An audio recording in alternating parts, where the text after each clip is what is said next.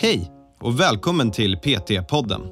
Jag heter Karl Gullö och är utbildningsansvarig på Intensiv PT. Vi har utbildat personliga tränare sedan 2012 och vill hjälpa så många människor som möjligt till en aktiv och hälsosam livsstil. I varje avsnitt kommer vi att prata med olika människor om träning, hälsa och entreprenörskap. Varje samtal har ett unikt ämne och vårt mål är att inspirera dig till att vilja förstå mer om hur det är att arbeta som personlig tränare eller att hjälpa dig framåt i din karriär som PT. Eh, så i en avtalsrörelse blir det då som man kallar det för parterna. Och parterna i det här fallet är eh, Unionen och det är jag som sitter då på den stolen. Och sen på andra sidan bordet, om man skulle beskriva det så, så sitter ju eh, Almega som är den arbetsgivarorganisation, så det är Almega tjänsteföretagen då, som sitter som motpart. Så de för, på samma sätt som, som jag då företräder Unionens medlemmar inom den här branschen, så företräder då Almega tjänsteföretagen sina medlemmar. Så då sitter ju de, då har ju de en liten delegation som de sen går och pratar med, som är företrädarna för de största gymkedjorna.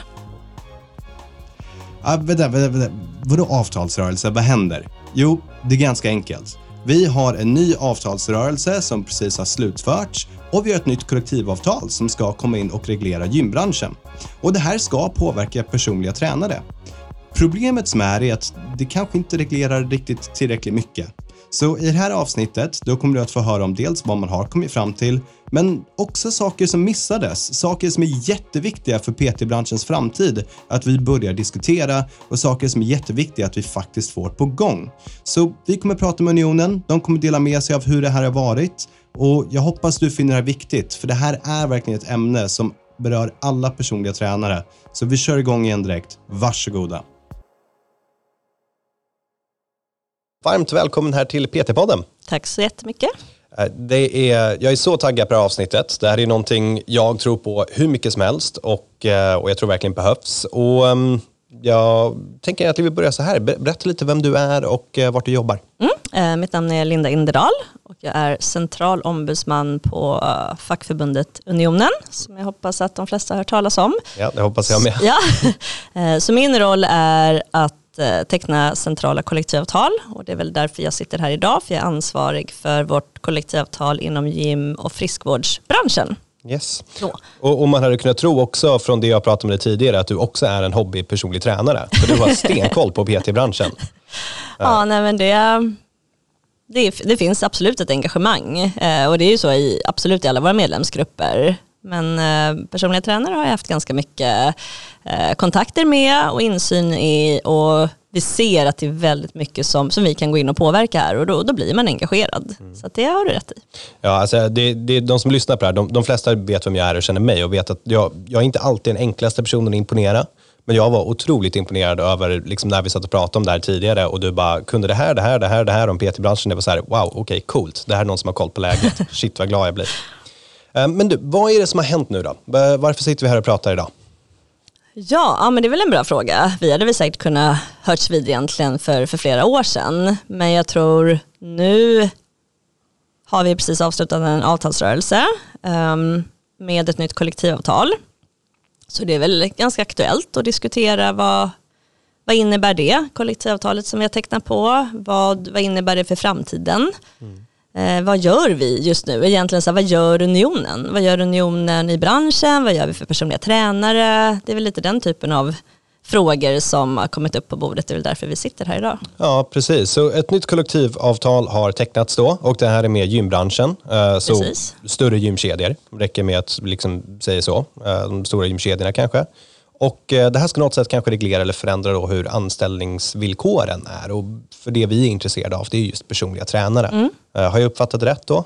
Ja, eh, och det är väl ändå ganska skönt att säga att det är inte bara de stora kedjorna som har kollektivavtal, utan har du anställda så kan man ha kollektivavtal. Så det, det finns ju de som har två anställda och ändå vill ha ett kollektivavtal. Mm. Och vilket tecknar, alltså på något sätt så måste man ändå ge cred till alla företag och arbetsgivare som väljer att ha kollektivavtal. För det visar ändå på att man vill ge den trygghet och, och alla de villkoren som man finner i ett kollektivavtal. Det är både stora som små, men absolut så blir det mer relevant för de större. Ja, såklart. Det är ju störst påverkan, men det är också det vi ser är från vi som utbildar PTS, att mer och mer PTS börjar gå till att vilja gå till mindre anläggningar mm, eller starta mm, eget. Mm. Och orsaken till det här, bakgrunden, det är ju väldigt ofta, ah, jag är inte nöjd med lönen, jag tycker inte villkoren är bra, jag är inte nöjd med det här, det här och det här. Mm. Och varje gång jag pratar med någon som är gymansvarig någonstans och de frågar Karl, hur ska vi hitta PTS? För det är stor efterfrågan på personliga tränare. Så är mitt svar enkelt. Ge dem sjukt bra villkor, eller ge dem bara bra villkor så kommer folk vilja jobba hos er. Um, så sjukt bra att det här är på gång. Jag är jätte, jätteglad att höra det. Mm. Um, någonting jag skulle vilja veta lite, det är ju Unionen har inte alltid varit med i den här processen. Det här är ganska nytt. Uh, eller i alla fall för er att vara med det. För oss är det ett väldigt nytt avtal, absolut. Ja. Mm. Och då är jag mer intresserad nu bara att veta hur har den här processen sett ut sen ni, ni har varit med? Liksom, är det det man går till gymmet och börjar prata? Finns det fler aktörer? Hur ser hela den här processen från det att ni bara, hörni, nu ska vi gå och ändra om lite i det här avtalet till att ni faktiskt har fått någonting klart nu? Mm, eh, och det är väl det som är lite ovanligt då för, för unionen. Det är ju Sveriges största fackförbund för, för tjänstemän, för det är på tjänstemannasidan som, som, som vi har våra, våra medlemmar och inom den privata sektorn.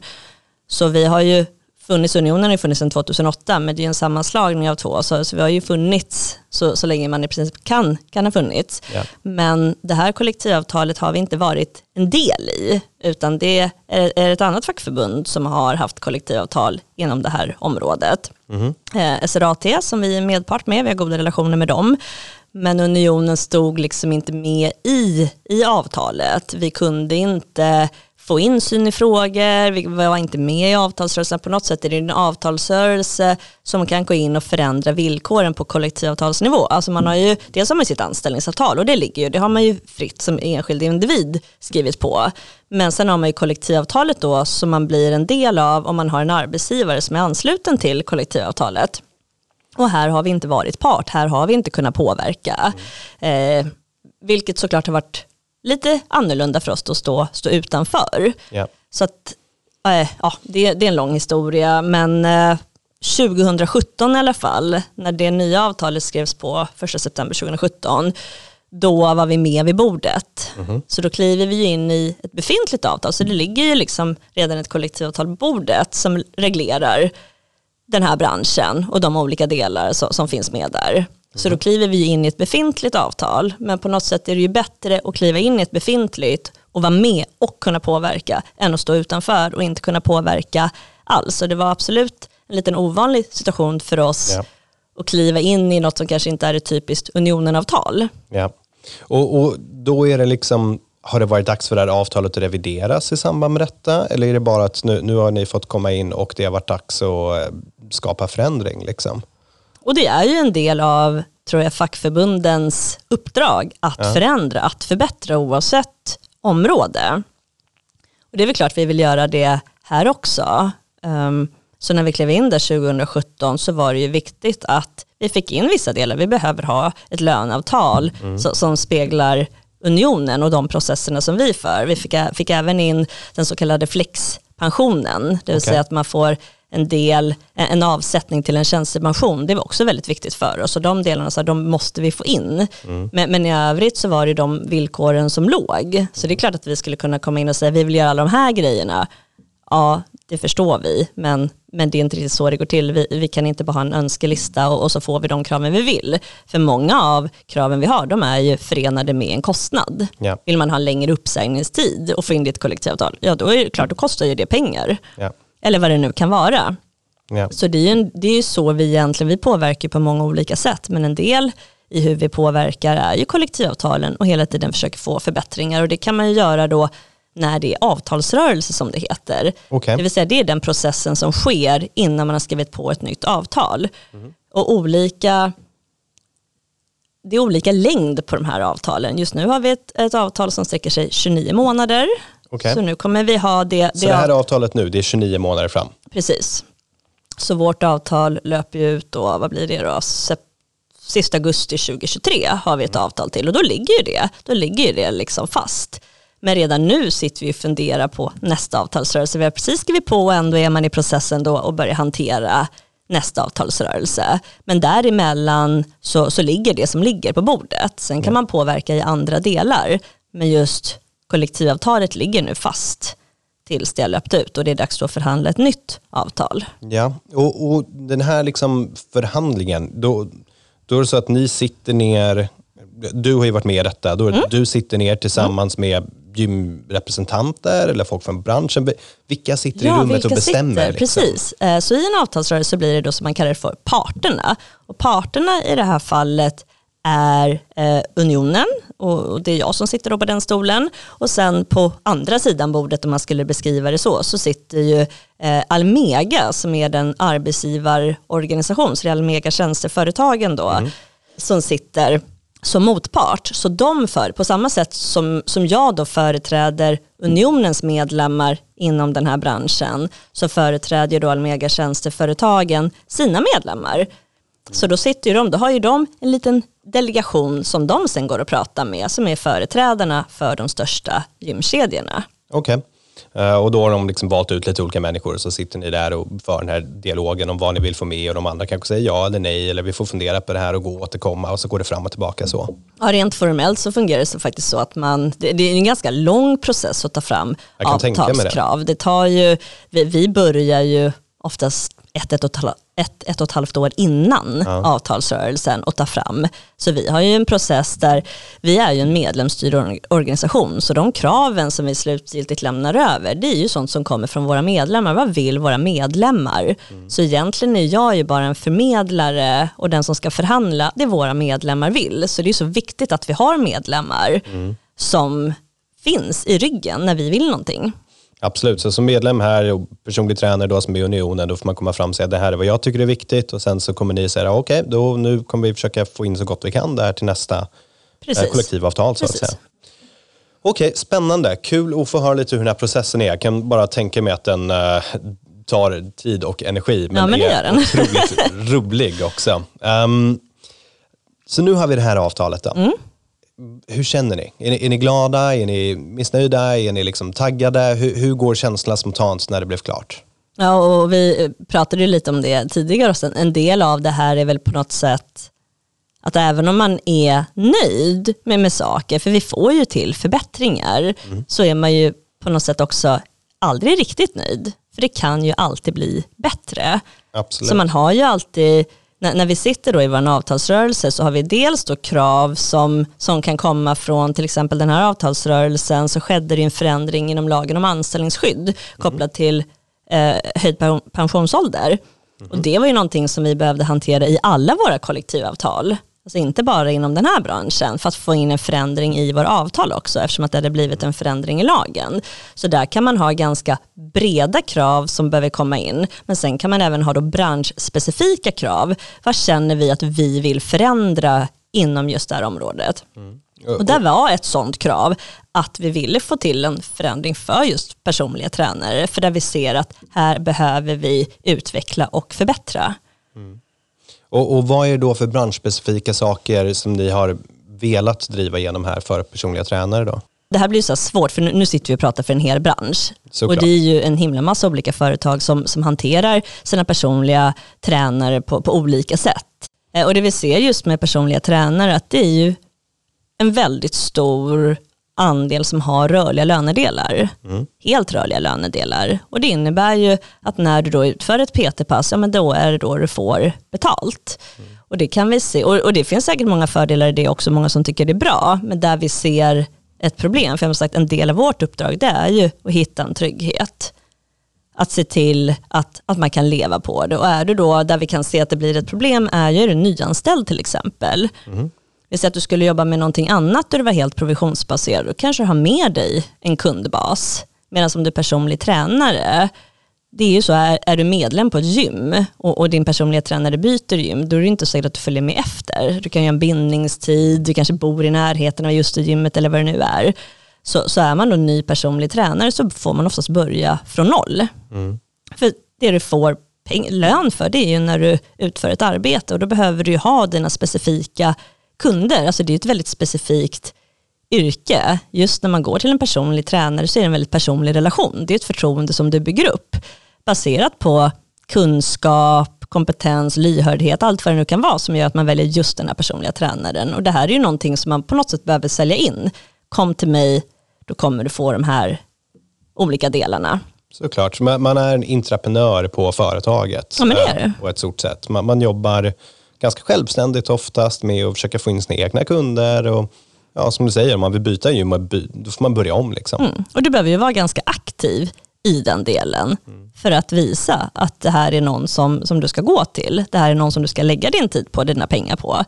Eh, och börjar man då nytt på ett gym, ja då kommer du börja på noll, vilket innebär att du kommer behöva lägga ganska mycket av din tid för att bygga upp då din kundbas, om man ska kalla det så. Och det här blir tid då som du egentligen inte får någon ersättning för, för du får ersättning när du utför själva PT-passet. Mm. Eh, och samma sätt om det varit föräldraledigt ett år, då är det ju ganska troligt att, att dina kunder har gått och tränat, äh, tränat hos någon annan. Ja, precis. Eh, och, och då är det knepigt, för är du, är du ny PT så kanske du är säger vi, 20 år, du bor hemma, mm. kanske inte har så mycket räkningar att ta hand om.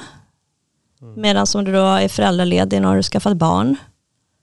Du har en lägenhet som du behöver betala, då kan du inte börja på noll. Och här ser vi att här behöver vi få in någon typ av trygghet mm. så att man kan omhänderta de här olika behoven som finns. För vi ser att det här är ett seriöst yrke. Det här är någonting som man jobbar med. Ja. Det är inte en hobby, utan det är ett riktigt jobb. Och då måste man också kunna leva på det. Och här ser vi att det behöver bli en del förändringar inom vissa av företagen. Okej hörni, vi tar en liten paus där. Så nu har ni fått höra vad Unionen försöker göra och vi kommer komma tillbaka till Linda. Men först så vill jag få en idé om hur det faktiskt ser ut för personliga tränare som jobbar på golvet. Så nästa person vi kommer prata med, det är Tove och hon har arbetat som personlig tränare på Sats i nästan tio år. Hon är även förtroendevald på Unionen och även det här kommer vi komma till om en liten stund. Men nu får ni höra om hennes synpunkter om hur det är att komma igång som en personlig tränare. Ehm, jag skulle säga att som ny PT så kan det vara ganska tufft i början. Mm. Det kan vara svårt att få in eh, nya kunder och få, börja få lön helt enkelt. Det är ju nästan som att vara egen företagare fast du är anställd. Med massa förmåner förstås som anställd. Men eh, just den lönedelen är ju lite klurig. För min egen del så funkar det jättebra. Jag jobbar ju de tider och dagar jag känner för. Mm. Och jobbar så mycket som jag vill och det är ju för att jag har en fast kundbas så jag kan ju styra mina tider och eh, bestämma när jag ska jobba helt enkelt. Men som ny går ju inte det. Mm. Du behöver kunder och du måste tacka ja till i princip allt. Ja, och du måste vara på plats väldigt mycket. Ja, du måste vara på plats hela dagarna. Eh, det behöver inte jag som har jobbat tio år, men jag ser ju mina kollegor som börjar att det är tufft. Vi har en ganska stor personalomsättning på nya tränare. De jobbar inte så länge om de inte snabbt kommer upp i timmar och det förstår jag. Yeah. För det går inte att, att bo någon annanstans än hemma hos sina föräldrar eller med någon som försörjer en om man inte får någon lön. Ja, precis. Man måste ha lite sparpengar kanske om man eh, ska leva utan lön ett tag eller ha något annat jobb när man ska komma igång med alla konsultationer och säljprocessen i början. Precis, och problemet är att om du har ett annat jobb så syns det ju inte på din arbetsplats där du vill jobba och då får du ju inte nya kunder heller.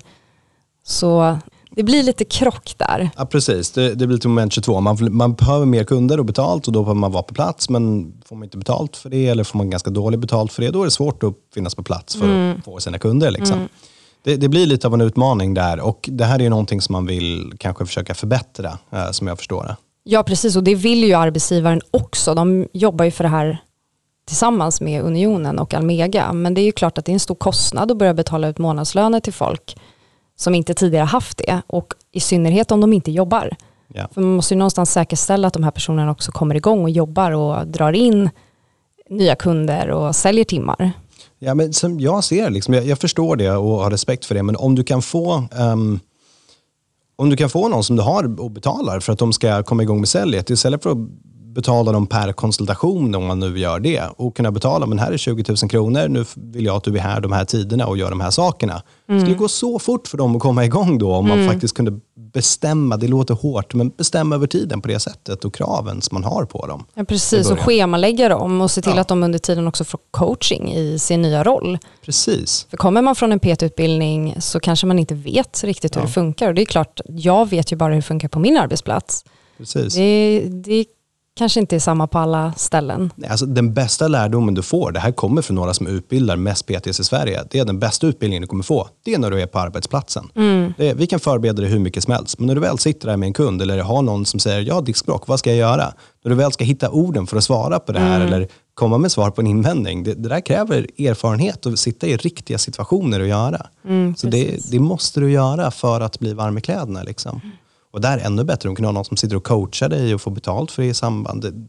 Jag ser bara vinster i ett sånt typ av system. Mm. Och vi har ju haft teamleaders på varje center. Eller det finns det på varje center, men vi har inte det på Stureplan just nu där jag är. Eh, där har vi pratat lite mer om att man kanske skulle ha någon form av mentorskap, vilket jag tycker är jättebra. Att man plockar ut Absolut. några äldre tränare som har jobbat lite längre, som får ta ansvar för en nyanställd och sitta i de coachingsamtalen. För att en platschef jobbar ju inte själv som personlig tränare. Vissa av platscheferna har ju kanske gjort det tidigare, men alla har inte det. Och då är det svårt för dem att sätta sig in i hur är det att börja som ny tränare? Hur funkar det och vad kan vara bra råd att ge till någon? Och alla är vi också olika. Och där ser jag också ett problem i branschen att man vill gärna stöpa folk i samma form. Att det är sälj vi ska fokusera på, men för min del så handlar ju inte personlig träning om sälj. Jag är ingen säljare, jag jobbar med relationer. Och jag vill sälja såklart en bra produkt, men det är min produkt jag måste fokusera på, inte säljet. Ja. Och där tror jag att det blir fel många gånger. Du kan vara jätteduktig på att sälja, men sen ska du också behålla de här kunderna och se till att de tycker att det ger resultat och är härligt att hänga med dig. Och då handlar det om att bygga relationer. Precis, och alla har all, olika infallsvinklar till hur man sköter det här. Det gäller att få tid att hitta sin också. Precis, och då tänker jag att mentorskap är ju toppen, för då kan man matcha den här personen med en tränare som kanske är lite liknande i sin inställning och kan coacha den personen på rätt sätt. Eh, Så att, ja, det, det finns några, några svåra puckar, men eh, förhoppningsvis så kan vi någonstans skapa bättre förutsättningar för, för alla. Det, det tror jag och jag tror att vi måste komma dit för att trenden är ganska stark. Det är att folk startar eget eller inte börjar på större anläggningar. Liksom. Och det märker ju vi att, eh, att det är inte så många som söker. Eh, Det, det har jag förstått, att vi, vi skriker efter folk. Så frågar du personliga tränare så är det ungefär så här det låter. Det är ganska svårt att komma igång som en PT, men när du väl är igång, då har du världens bästa yrke. Och den stora frågan som vi har nu, det är har Unionen några bra lösningar på det här problemet? Så, så jag håller med till 100%. Jag tror att det här är en av kärnproblemen som finns i PT-yrket. Det, det är osäkerheten. Kan vi prata om någonting kanske? Har ni några idéer nu på hur, vad man kan göra för att göra det mer säkert för en PT? Mm, ja, men det har vi absolut haft. Eh, Och på något sätt så är det ju så att en påverkan kan ju ske på, på många olika sätt. Vi pratade lite kort om det här med avtalsrörelse, det vill säga vi har ett krav som vi lämnar över till motparten med någonting som vi vill förändra. Där visar vi på att det här är viktigt. Eh, så redan där tycker jag att man har kommit någonstans, bara visa på att det här är viktigt för unionen och unionens medlemmar. Sen har vi andra sätt som vi kan påverka på. Eh, där vi har till exempel haft en, en arbetsgrupp med Almega då, som är vår motpart, där vi har lyft fram just det här med lönemodeller för personliga tränare. Och det här är igen då inte kopplat till något specifikt företag, utan där vi ser att så här ser vi på unionen att man skulle kunna göra utan att gå in och bestämma hur varje enskilt företag, men där man kan ha olika modeller. För det finns de som kommer vara intresserade av helt rörliga lönedelar och det får man ju inte ta ifrån dem. Men vi måste ju omhänderta även de som är nyanställda eller föräldraledighet, eh, har varit föräldralediga. Så det har vi absolut kikat på och tagit fram olika förslag från unionens sida. Hur kan man göra det här? Det vill säga man kan ha en lönemodell där man har en grundlön till exempel. Det finns massa olika varianter. Man har en grundlön och sen så har man en rörlig mm. lönedel. Så det finns ju väldigt många olika sätt att omhänderta det på. Ja, och jag tycker det här är en ganska bra förslag också. Ehm, jag har ju själv bara, så vi har utbildat tusentals personliga tränare och, och gjort polls i gruppen och frågat liksom, vad, vad, vad skulle ni vilja? Eh, och då har en av frågorna varit, skulle du hellre ha den här rörliga lönen eller skulle du ha en fast lön som är lite lägre än den rörliga kanske, till exempel? Och den stora majoriteten svarar ju fast lön lite lägre i sådana fall för att ha säkerheten, för att kunna ta ett bolån, för det är ju svårt som PT, några timanställningen liksom.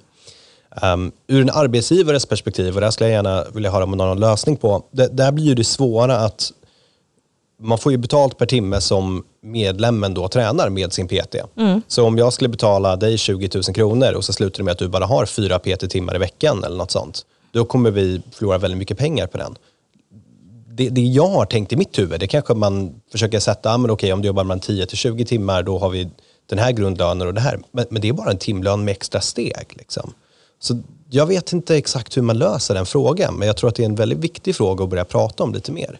Och, och, den modellen som vi kikade på, för, för man måste ju se det, alltså man tänker grundläggande i, i, en anställning är ju vad får den anställda? Den får mm. en lön. Okej, vad är det arbetsgivaren får? Jo, den får ju utfört arbete. Men det här är ju en prestation som går åt båda hållen. Man jobbar och då får man lön. Så arbetsgivaren får arbete och den anställda får lön då för det utförda arbetet. Så det är som du säger, man kan ju inte få en grundlön och så, och så utförs det inget arbete. Det, det, är ju inte något företag som skulle klara det. Så det man kan hitta där är en variant där man anställs på vi säger inte vet jag, 50 procent eller ska man anställas på 20 procent och då har man en grundlön kopplat till det. Och det är klart, då, då utgår det arbetsskyldighet och då kanske det finns andra arbetsuppgifter som man kan göra. Och där kommer man också till frågan, vad är arbete? Mm. Vi anser ju att om jag står i gymmet och, och, och liksom säljer in kom till mig, jag kan ge dig det här. Det är ju en typ av arbete. Absolut. Jag finns ju där, jag är synlig, jag är en positiv energi. Eller är det så att man ska ställa sig i receptionen en liten stund och kanske utföra arbete där. Jag är också synlig, jag visar upp mig. Så på något sätt så är det, det är klart ska du ha en grundlön så kommer det ju följa med en arbetsskyldighet och där får man ju titta på i, i, i varje, på varje specifikt företag kanske, vad är det då som ingår? Mm. Nu har du fått en, en grundlön kopplat till 20 timmar i veckan, det vill säga 50% i anställning, ja då kommer det ju behöva utföras arbetsuppgifter på de här 50 procenten. Vad är det som, som kan göras då? Mm. Ja, om jag ringer eh, på ringlistor till exempel, det är utfört arbete. Om jag står i gymmet så är det utfört arbete. Jag kanske går någon, någon utbildning eller lär mig något nytt system, det är ju också arbete. Så det är klart att det ska finnas en motprestation mm. i, i den här tryggheten. Och, och, jag tror att det här är viktigt att lyfta upp. För jag tror dels människor som kanske anställer personliga tränare, men, ehm, men också själva idén av PT kan vara lite kortsiktig. För jag, jag driver ju PT-bolag och har koll på marginalerna och jag vet att de flesta gymmen brukar sikta på ungefär någonstans men har en marginal på 1 200 kronor per utförd timme. Så det är typ 20 marginal eller något sånt. Mm. Det innebär att om jag kan ta en helt ny person och säga, vet du vad, första två månaderna du jobbar här, då kommer du få 20 000 kronor i månaden och eh, jag vill att du sitter jag vet inte, åtta timmar per dag och under den här tiden ska vi ringa de här personerna, stå här, prata här, lära dig det här systemet, göra den här utbildningen, gör det här, gör det här.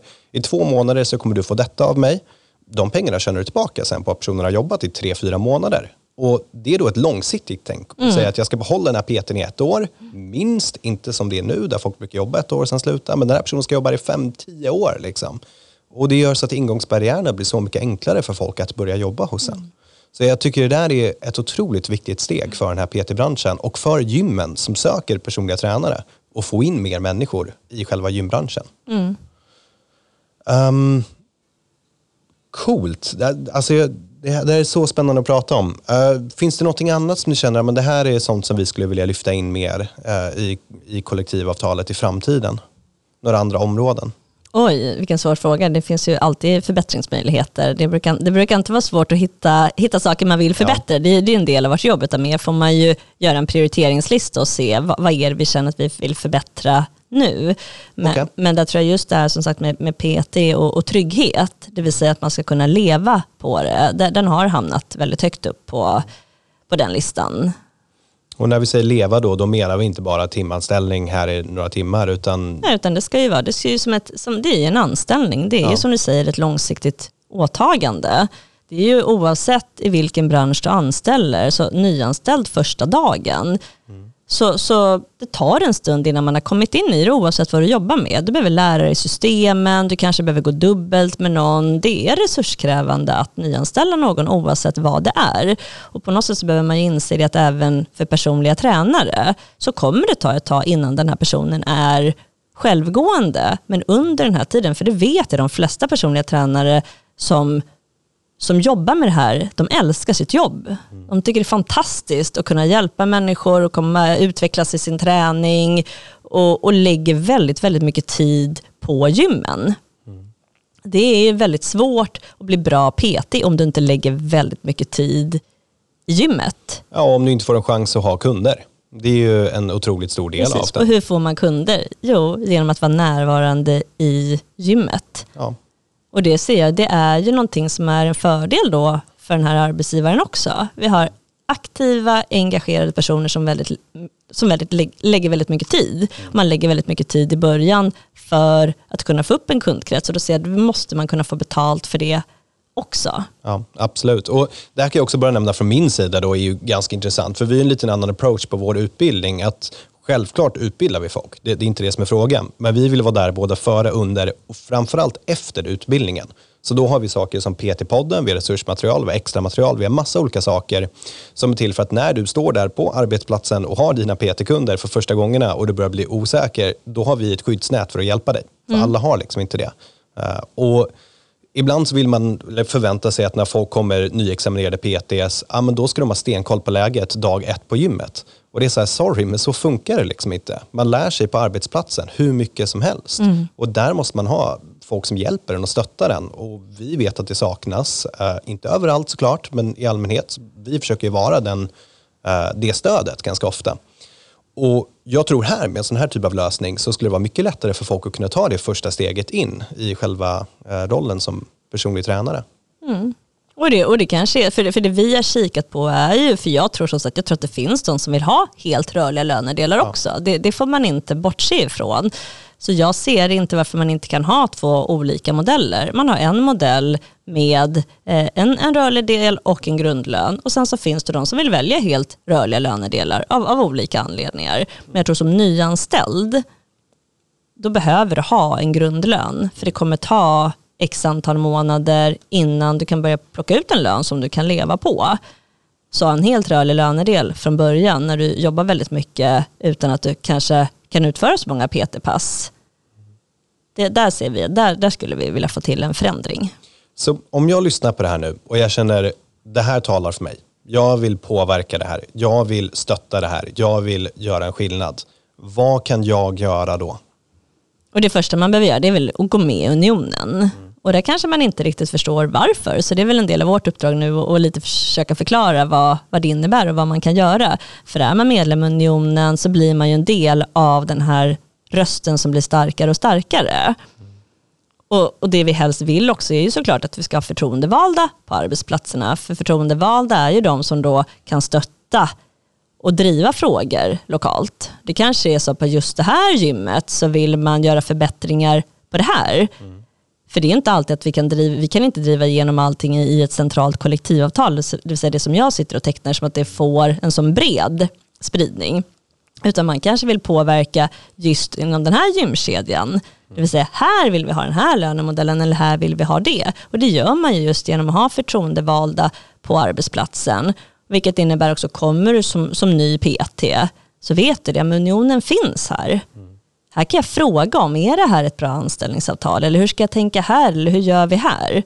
Så man får ju en stöttning i att kunna utveckla. För på något sätt är det så, vill man göra en förändring så gör man det sällan ensam. Ja. Det är väldigt svårt att driva frågor som en enskild individ. Men är man då en del av ett större sammanhang som unionen blir, då blir det lättare. Okej, vi stannar upp här igen. Så Linda nämnde något som heter förtroendevald och det lät ju spännande. Jag menar, att få vara med på gymmet och påverka och faktiskt förändras villkor, det, det vill man ju göra, eller hur? Men hur funkar det egentligen? Ja, vi låter Tove berätta för oss.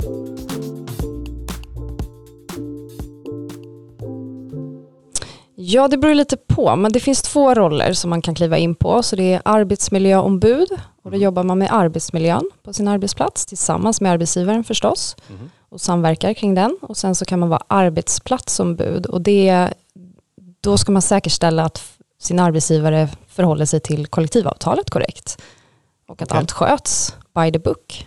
Så betyder det att du får liksom sitta med dem, alltså, dina arbetsgivare då och prata om dina vägar eller åt dina kollegas vägar? Eller? Precis, jag representerar ju mina kollegor eh, i min roll och ska föra deras talan gentemot arbetsgivaren då, om det är något speciellt. Eh, och som arbetsplatsombud blir man också inbjuden till eh, möten där man får information om hur det går i företaget och vilka förändringar som är på ingång och vad som kan vara viktigt att veta. Eh, viss information får jag delge mina kollegor och annan information är sånt som kommer ut senare när det är klart och vi får ju veta hur det går i förhandlingar och så vidare. Mm. Okej, okay. finns det någon orsak till varför du vill göra det här? Jag kommer ju då från juridiken ah, lite okay. grann. Det börjar gå, börjar mm. gå ihop allt det här. Precis, och nu knyter vi ihop säcken lite ja. grann. Jag tycker juridik är jätteintressant och mm. jag, arbetsrätten har legat mig ganska varmt om hjärtat. Det här är en bransch som väldigt många unga människor jobbar inom. Och de kan inte sina rättigheter och hur det funkar och vad man ska och inte ska göra och får och inte får göra. Mm. Så jag har varit ganska, men jag, jag gillar juridiken och jag tycker det är kul. Och när jag då fick kontakt med Unionen eh, genom att det var en förhandling som pågick mm. så föreslog han som jag hade kontakt med att jag skulle kliva in som ombud. Mm. Eh, så nu är jag där. Nu var det dags. Mm. hur känner, du som har gjort det här nu i ja, snart våra tio år, känner du att det liksom, fanns det här ens för tio år sedan där, där du jobbar? Nej, nej, verkligen inte. Eh, jag är själv ganska rookie på det här. Jag vet inte exakt hur allting funkar trots att jag varit på min roll i ett år. Mm. Eh, det har hänt ganska mycket också så att jag har fått sätta mig in i saker som inte kanske är vardagligt arbete. Ja. Eh, så jag visste inte ens att man kunde kliva in som ombud och hur det funkar med omröstningar och vem som bestämmer vem som får vara och så vidare. Mm. Eh, men han som jag hade kontakt med informerade om allting och Ja, jag tyckte det lät jätteintressant och jag vill gärna vara en del av en förbättring av branschen och att vi ska se till att det blir, det blir en schysst bransch att jobba i. Ja, hörni, vi tackar Tove såklart för att hon arbetar för att förbättra branschen. Det är ju någonting vi alla vill göra. Um, då är den stora frågan som är kvar, det är vad kan vi göra och är unionen någonting som skulle funka för oss personliga tränare?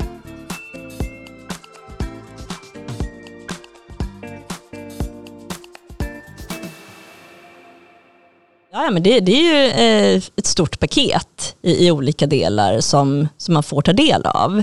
Och det som du säger, är man med då i, i a-kassan eh, och så skulle man då bli arbetslös till exempel då har man en inkomstförsäkring också. Det här är, tycker jag, gå in på unionen.se och läs om de här olika delarna som är med i avtalet. Men sen när det så skulle det hända någonting så kan man ju också ringa Unionen.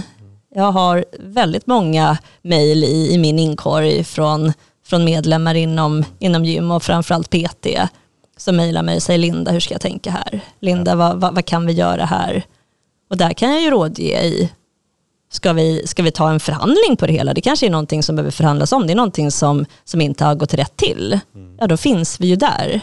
Det ingår ju i medlemskapet och vi svarar på frågor och, och vi finns ju där som ett stöd. Det tycker jag man märker att det är det är mycket frågor, det är mycket fundering, det är mycket som man vill förändra. Så det finns ett stort engagemang där, men vi behöver bli ännu fler. Mm. Och allt det här, det, det finns ju ett, vad, vad, sa vi, vad kostar det? det? Det är inte så dyrt det här heller. Nej, vi har ju eh, en medlemsavgift som är baserad på din, på din inkomst. Så jag tror taket, det som man max betalar är 235 kronor i månaden. Mm. Men, men, det är ju baserat då på, på en inkomst. Så, så tjänar man lägre så, så kommer man ju ha en annan avgift. Så om jag vill få min röst hörd som PT, eh, få stöd, ha folk runt omkring mig eh, som kan hjälpa till, kunna prata med folk om mitt anställningsavtal och få råd om något är problem, få bland annat då en inkomstförsäkring så att om jag förlorar mitt jobb så kommer jag ändå ha någon sorts inkomst. Då är det max 235 kronor i månaden. Precis. Jag, jag kommer signa under här precis efter vi är färdiga och eh, jag hade gjort det bara för att få min röst hörd som PT. Och jag tycker att du som lyssnar på det här ska göra precis samma sak. Um, Linda, det här var super. Jag är så tacksam för att du ville vara med. Tack så mycket.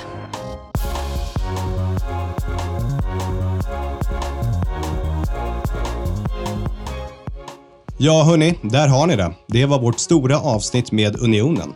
Och Orsaken till varför vi ens lyfter upp det här nu, det är för att det här kollektivavtalet blev färdigt för gymbranschen. Och tyvärr så räcker det ju inte hela vägen. Om jag ska vara helt ärlig så känner jag att vi behöver väldigt mycket förbättringar på detta. Men det är ju ett första steg. Och om man lyssnar på Unionen då som gör detta, som gör kollektivavtalet och är i förhandling med Almega och representanterna från gymmen, då låter det som att vi behöver vara fler människor för att vara med och påverka. Så därför fick ni det här avsnittet. Jag hoppas ni känner att det har hjälpt och att det har gett er lite insyn i vad som händer här i PT-branschen. Jag har definitivt förstått att vi behöver vara fler människor som säger vi vill ha semester, vi vill ha sjuklön, vi, vi vill allmänt ha det bättre, vi vill ha säkrare när vi kommer in i gymbranschen, vi vill ha bättre lösningar. För det här är världens bästa jobb när man väl kommer igång, men det är ganska svårt att komma igång. Så stort tack till alla som var med, Tove och Linda. Otroligt bra jobbat och till dig som lyssnar. Jag hoppas att du gör någonting för branschen också. Bra jobbat allihopa. Vi hörs igen. PT-podden är producerad av Intensiv PT. Om du vill veta mer om våra utbildningar och gå med i nätverket av framtidens personliga tränare, gå in på www.intensivpt.se. Vi har kursstarter varje månad och du kan studera helt i ditt egna tempo.